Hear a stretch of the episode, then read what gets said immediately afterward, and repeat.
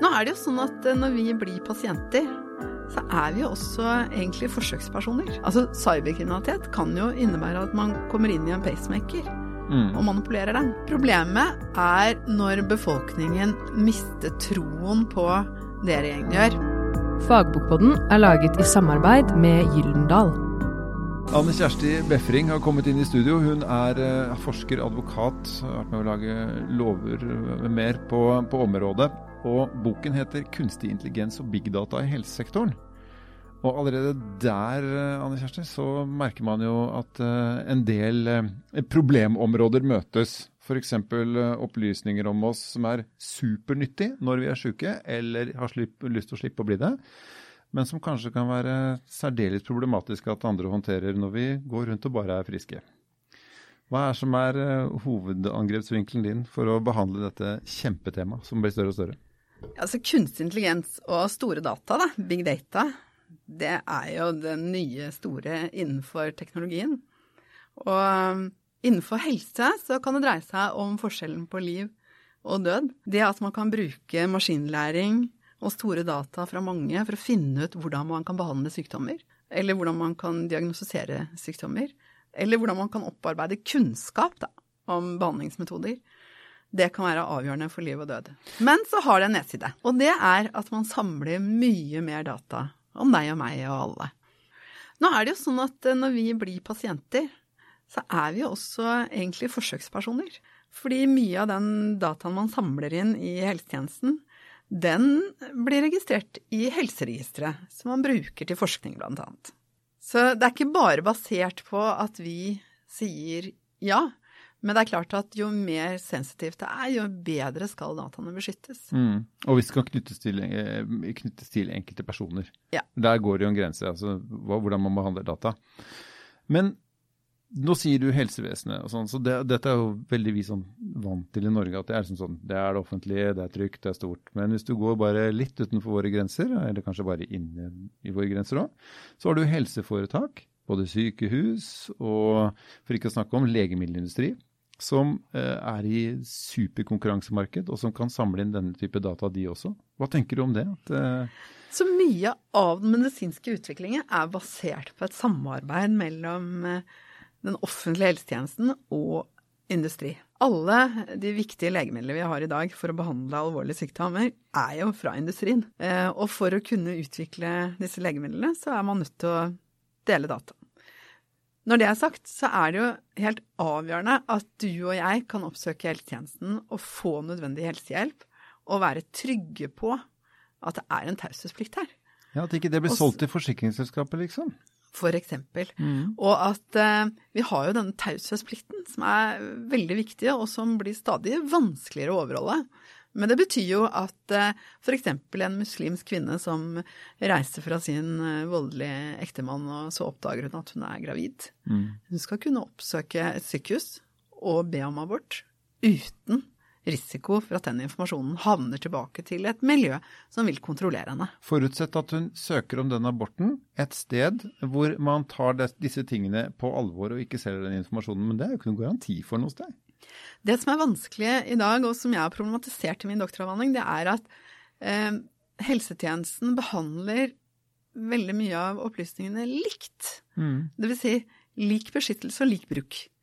Det jeg har sagt er at det holder ikke lenger. Du er nødt til å gradere bedre, eh, fordi hvis det kommer da, hvis vi tar det eksempelet med muslimsk kvinne med hijab, og, og du vet hun er dypt troende, og at hun også er utsatt for et press, så må helsepersonell tenke at dette skal jo sperres. Dette er ikke noe vi skal bruke, Det må lukkes rundt henne. Ja, det må, fordi det er for mange ellers. Norge er et lite land. Mm. Og det er jo for mange som eh, kan ha tilgang til den journalen.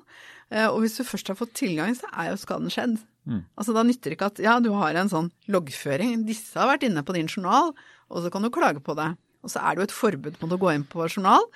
Men informasjonen og så kan man informasjonen er ute. Men informasjonen er ute. Ja. Og når den først er ute, så kan den jo fort gå mellom flere ledd. Mm. Og så er det vanskelig å finne ut hvor var det skaden oppsto. Og nå har vi en del eksempler på det. At ikke det er god nok beskyttelse.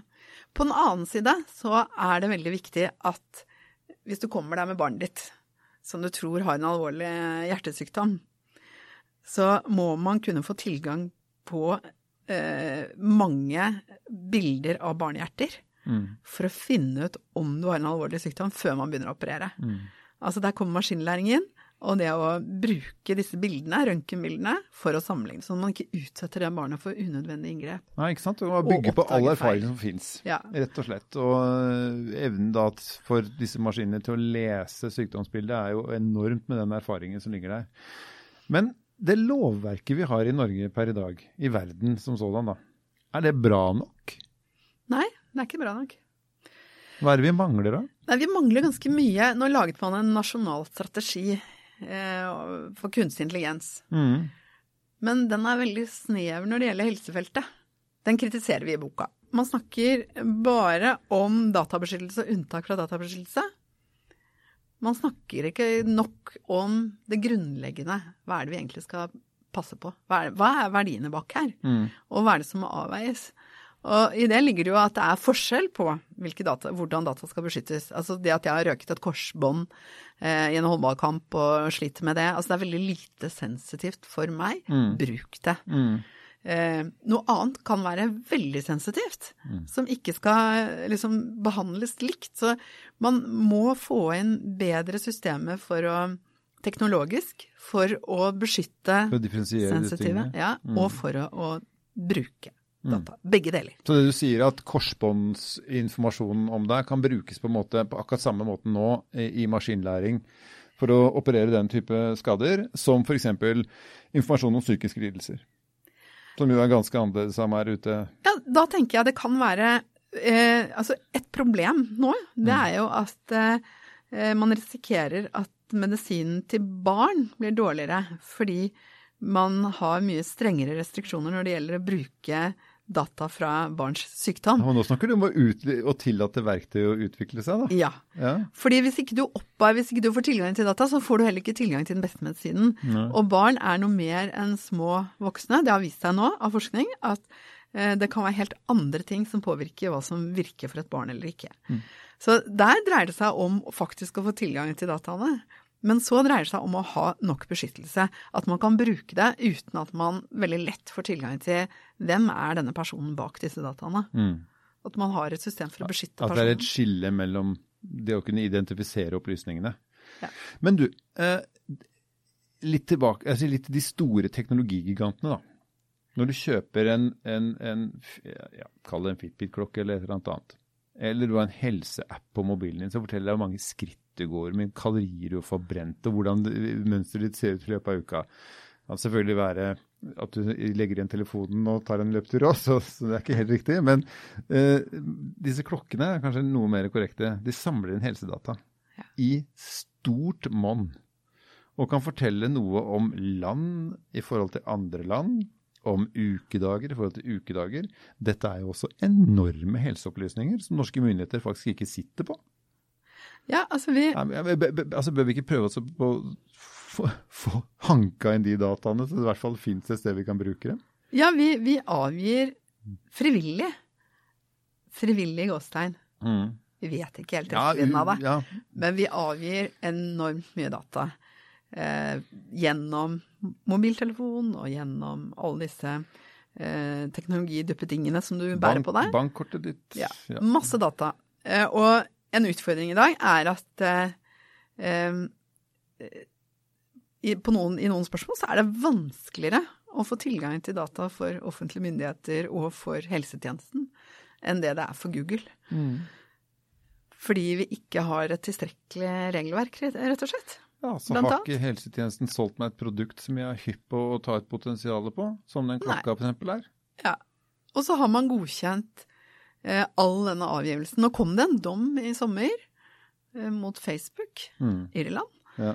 som heter Skrimsdommen, den, eh, der slår EU-domstolen fast at eh, det er ikke nok med dette enkle samtykket og en avtale som heter Privacy Shield for å dele disse dataene med USA, når USA samtidig har iverksatt to lover hvor de kan bruke åpne data til å overvåke mennesker. Mm. For de har jo igangsatt flere overvåkningstiltak.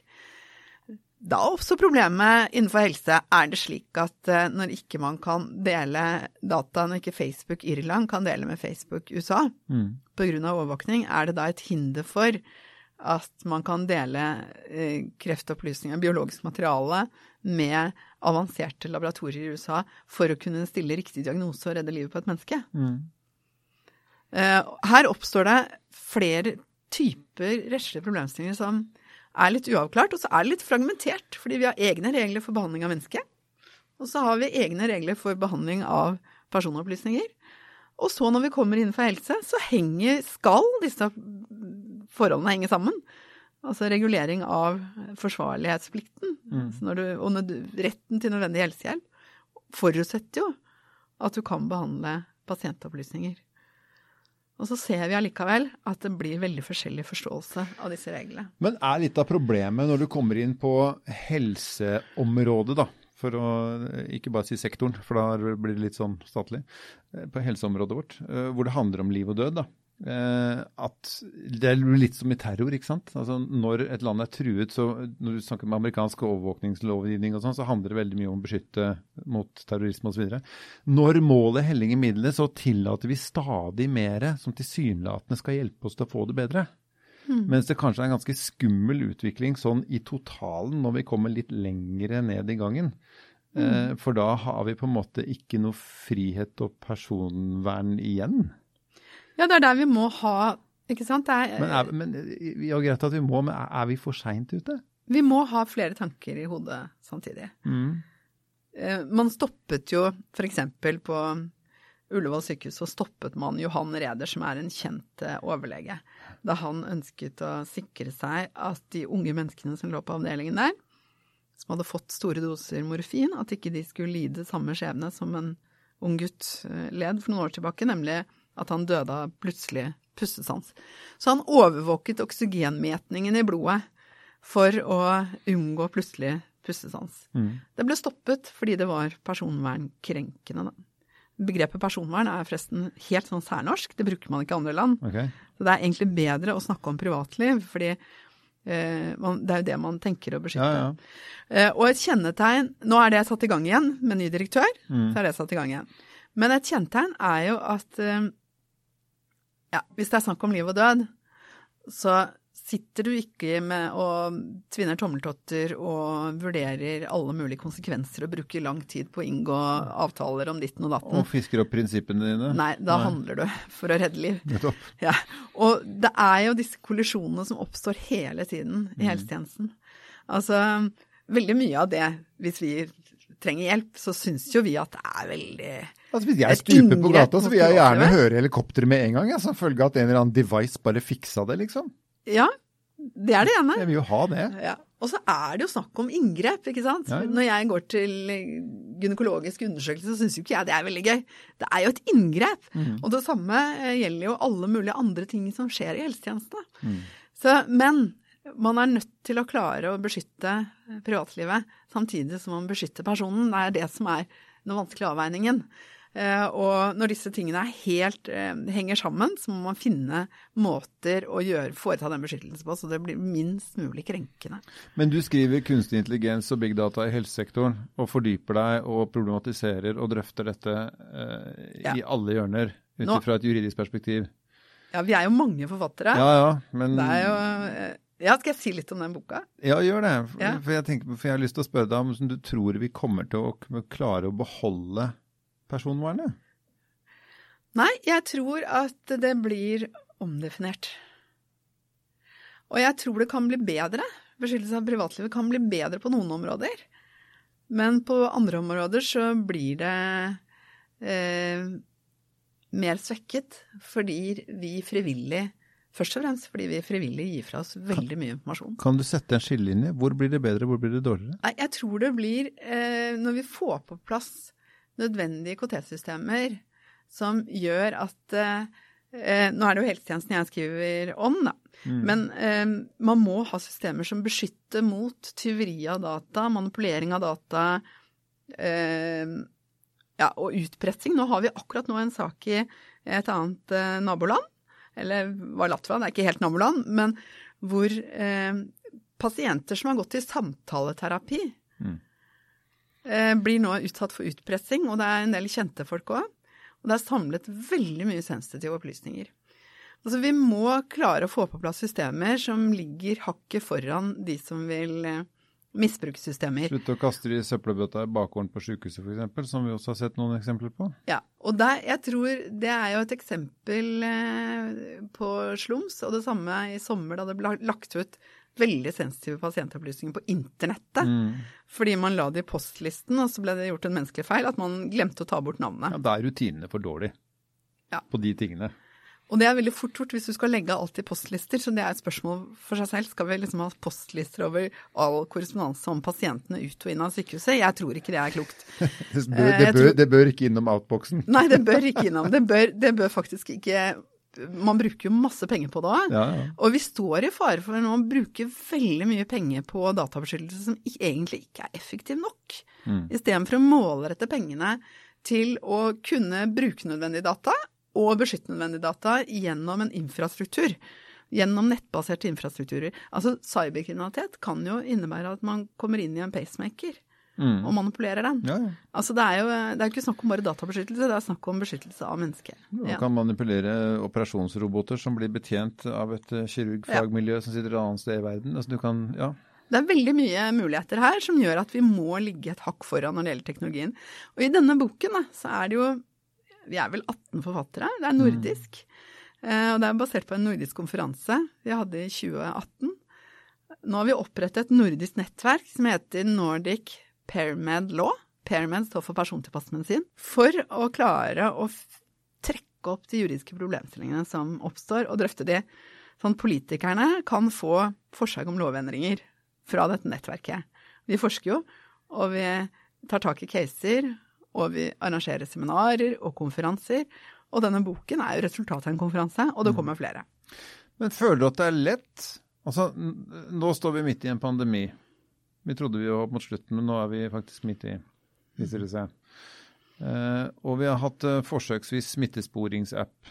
Jeg tror det er mange av oss som tror at uh, den type teknologi kommer til å være helt avgjørende i fremtiden. Men Ja. det forsøket var jo dessverre ikke det vi skulle hatt. Eh, da er vi i en situasjon hvor vi blir redde, hvor det politiske livet, vi ser at det politiske livet er villig til å gjøre mer enn helsefaglige folk eh, foreslår. For de er selvfølgelig livredde for å få ansvar og gjøre noe feil. Ser du at du som juridisk fagperson kan på en måte få politikere til å gjøre de riktige tingene i forhold til disse tingene her, når de får fullstendig hetta og tror de skal få skylden for at masse mennesker dør? Jeg jobber jo med det egentlig ukentlig. Jeg har, Ikke så vært i, lett. jeg har vært i kontakt med media gjennom hele pandemien. Og, og ja, det er kanskje noen som vet at jeg har vært i mye debatter med Hans Petter Graver, da. Ja. som vinner nå. Han høster mange priser for å være rettsstatens eh, beskytter. Eh, Det jeg har vært opptatt av, er at eh, jurister er opplært til kanskje et litt for snevert syn på hva man skal beskytte, og hva som ligger i rettsstaten. At man, eh, man kan egentlig angripe alle vedtak som begrenser vår bevegelsesfrihet, ut fra det ståstedet. Eh, Men så har vi noen internasjonale avtaler, og vi har noen grunnlovsbestemmelser som sier at ja, staten har faktisk et eh, ansvar for å beskytte deg og meg mot en farlig helsetrussel også. Mm. Så vi jurister, vi må lære nå at det er en del av det man må beskytte. Man kan ikke bare eh, påberope seg friheten, og at ikke det er lov med inngrep i denne friheten. Eh, og dette kommer det en bok om neste år, som Espen Nakstad og Aslak Sysse og jeg skriver. Om hva som ligger i eh, ja, hva, hva ligger i statens ansvar for å beskytte, og hvordan kan man avveie det? For det er jo det du sier, eh, politikerne trenger gode råd, Mm. og under en pandemi så trenger man jo kunnskap. Og det vi vet er at 12. mars så hadde WHO sagt at det er en pandemi. Mm. Danmark stengte ned 11. mars. Mm. Folk var redde. Da kommer det noe veldig viktig inn, og det er føre-var-vurderinger. For man hadde ikke nok kunnskap. Ikke om hvor dødelig det var, det visste vi ikke. Man visste at det kanskje ikke var ebola, men et sånn type virus kan også komme, altså ebola. Og Ja. da må man være i stand til å handle effektivt. Ja. Mm. Og så opparbeidet man seg kunnskap underveis under pandemien. Så det å være etterpåklok i den situasjonen, det er ikke så veldig mye verdt. Det Ikke som er verdt, er å bruke dette til å lære fremover. Mm. Fordi det er ikke første gang. Det tar lang tid før denne pandemien går over, og det, er, det kommer flere. Eh, Og vi er nødt til å, klare å gjøre dette på en riktig måte. Jeg syns det var veldig interessant, nå snakker jeg mye her, men det var Det er veldig derfor du er her. Velkommen. Ja, ja, takk. Det var veldig interessant å lese en artikkel i Nature 8. juni som sammenlignet eh, eh, hva ulike land gjorde, og hvilken effekt det hadde, og hvor, Norge ble fremhevet veldig positivt gjennom at den raske nedlukkingen hindret denne veldig ekspansive smittespredningen, Mm. og dermed førte til både at liv ble spart, og samfunnsøkonomien. Altså en mer forsiktig form i starten fører til økt smittespredning som gjør det dyrere på sikt, var liksom tesen fra denne artikkelen. Det er bedre å ta det med ett skrik enn ett langt. Ja, rask nedlukking gjør at du får bukt med den, hva heter det, eksponentielle smittespredningen. Det at Ja. det fort blir én million smittede. I tredje, fjerde, sjette år. Sånn. Ja. ja. Men du, eh, demokrati er noe rare greier. Hvis det blir krig, så opphører demokratiet. Det tar for lang tid. Litt det samme har vi jo sett fnugga nå også. En regjering med mye større fullmakter enn eh, normalt. Riktignok så grep Stortinget inn sånn i starten og fikk på plass noen krisepakker og sånn, men vi ser allikevel at eh, vår utøvende statsmakt da, får eh, mer verktøy i kassa. De kan gjøre mer. De kan begrense oss på måter som hadde selvfølgelig fått oss til å eh, skrive under på en regjeringskrise på ti minutter hvis det hadde skjedd uten pandemier. Det juridiske perspektivet på det, altså den der, Vi snakker om allmenn rettsoppfatning. Ja, og dette Altså, er jo det, Nå er du inne i det som er er liksom er jo de veldig variabel, vil jeg si. Det er dette som er veldig vanskelige avveininger. Da Danmark kapitulerte under andre verdenskrig, så fikk jo statsministeren og kongen fikk veldig kritikk for det der og da. Men deres svar i ettertid var jo at vi kapitulerte for å raskt kunne gjenoppta demokratiet igjen. For det, altså, hva er trusselen mot demokratiet og hva er trusselen mot rettsstaten? De tingene henger jo sammen. Og individuelle menneskerettigheter. Eh, og det er jo spørsmål om hva gir best effekt. Men det som er veldig viktig, det er at det er, en viss, det er noen kontrollmekanismer her da, med myndighetsmisbruk. Eh, I Norge så er vi i denne situasjonen ganske heldige, fordi vi har en mindretallsregjering. Er veldig vanskelig å se for seg at en mindretallsregjering kan bli totalitær, men det er ikke sånn i alle land. Nei. Noen land vil jo misbruke denne situasjonen til å vedta unntakssituasjon, til å tilsidesette Grunnloven, Det ser vi til å ta eh, makt. Eh, I Norge er det veldig begrenset. Det at det er en mindretallsregjering betyr jo at Stortinget kan eh, korrigere regjeringen når som helst. Men, men vi må jo samtidig, hvis, hvis ebola kommer i fullt, med fullt trøkk til Norge Altså covid-19 er også en dødelig og veldig farlig, et farlig virus. Men hvis et type virus som ebola kommer, så vil jo alle vi være opptatt av å ha en regjering som er i stand til å handle. Hvis Forsvaret må ut i gatene for å holde folk innendørs, Problemet er når befolkningen mister troen på det regjeringen gjør. Man mister tilliten til begrunnelsen for vedtakene. Dette ser vi i mange land nå, at det er demonstrasjoner mot smitteverntiltak. Til og med i England. Det har vært i Tyskland, det har vært i flere land. I Norge har ikke det skjedd. Så det, det er en balansegang, og en ting som er veldig viktig i en sånn situasjon, det er åpenhet og informasjon. Vi har daglige pressekonferanser eh, med eh, informasjon om situasjonen, og det er høy tillit til den informasjonen som blir gitt. Nå kan man jo kritisere den måten det er blitt lina på, ut fra et sånt demokratisk ståsted, at det bare er regjeringen som er i front, når det er en konsensus, for det har det vært. Det er politisk konsensus. Da kunne man jo stilt spørsmål om ikke flere burde være på denne arenaen. Og hvis vi skal trekke dette litt tilbake til denne boka, da, og kunstig intelligens og, og big data, så vil det jo være en forventning om at det blir brukt til demokratiets beste, til folkets beste. Hvis man begynner å misbruke ny teknologi og våre data, våre mest sensitive data, til å oppnå makt og, eh, ja, og til maktmisbruk. Du nevnte dette med forsikringsselskapet. Vi har mange varianter. jeg kan hviske Kina. Ikke sant. Så um, da vil det bli et opprør. Og så her, dem, et, demokrati er jo kjennetegnet av at det er en sånn folkesuverenitet som ligger til bunnen der, eller at folket stemmer jo. Eh, og Stortinget reflekterer, og stemmeretten reflekterer det folket Du må ha et realmandat. Ja. Men jeg har lyst til å si når det gjelder den eh, boken, at Eh, det, det som også har vært et mål, det er å få til et nordisk samarbeid om dette, fordi vi er så små. Og så er vi så like.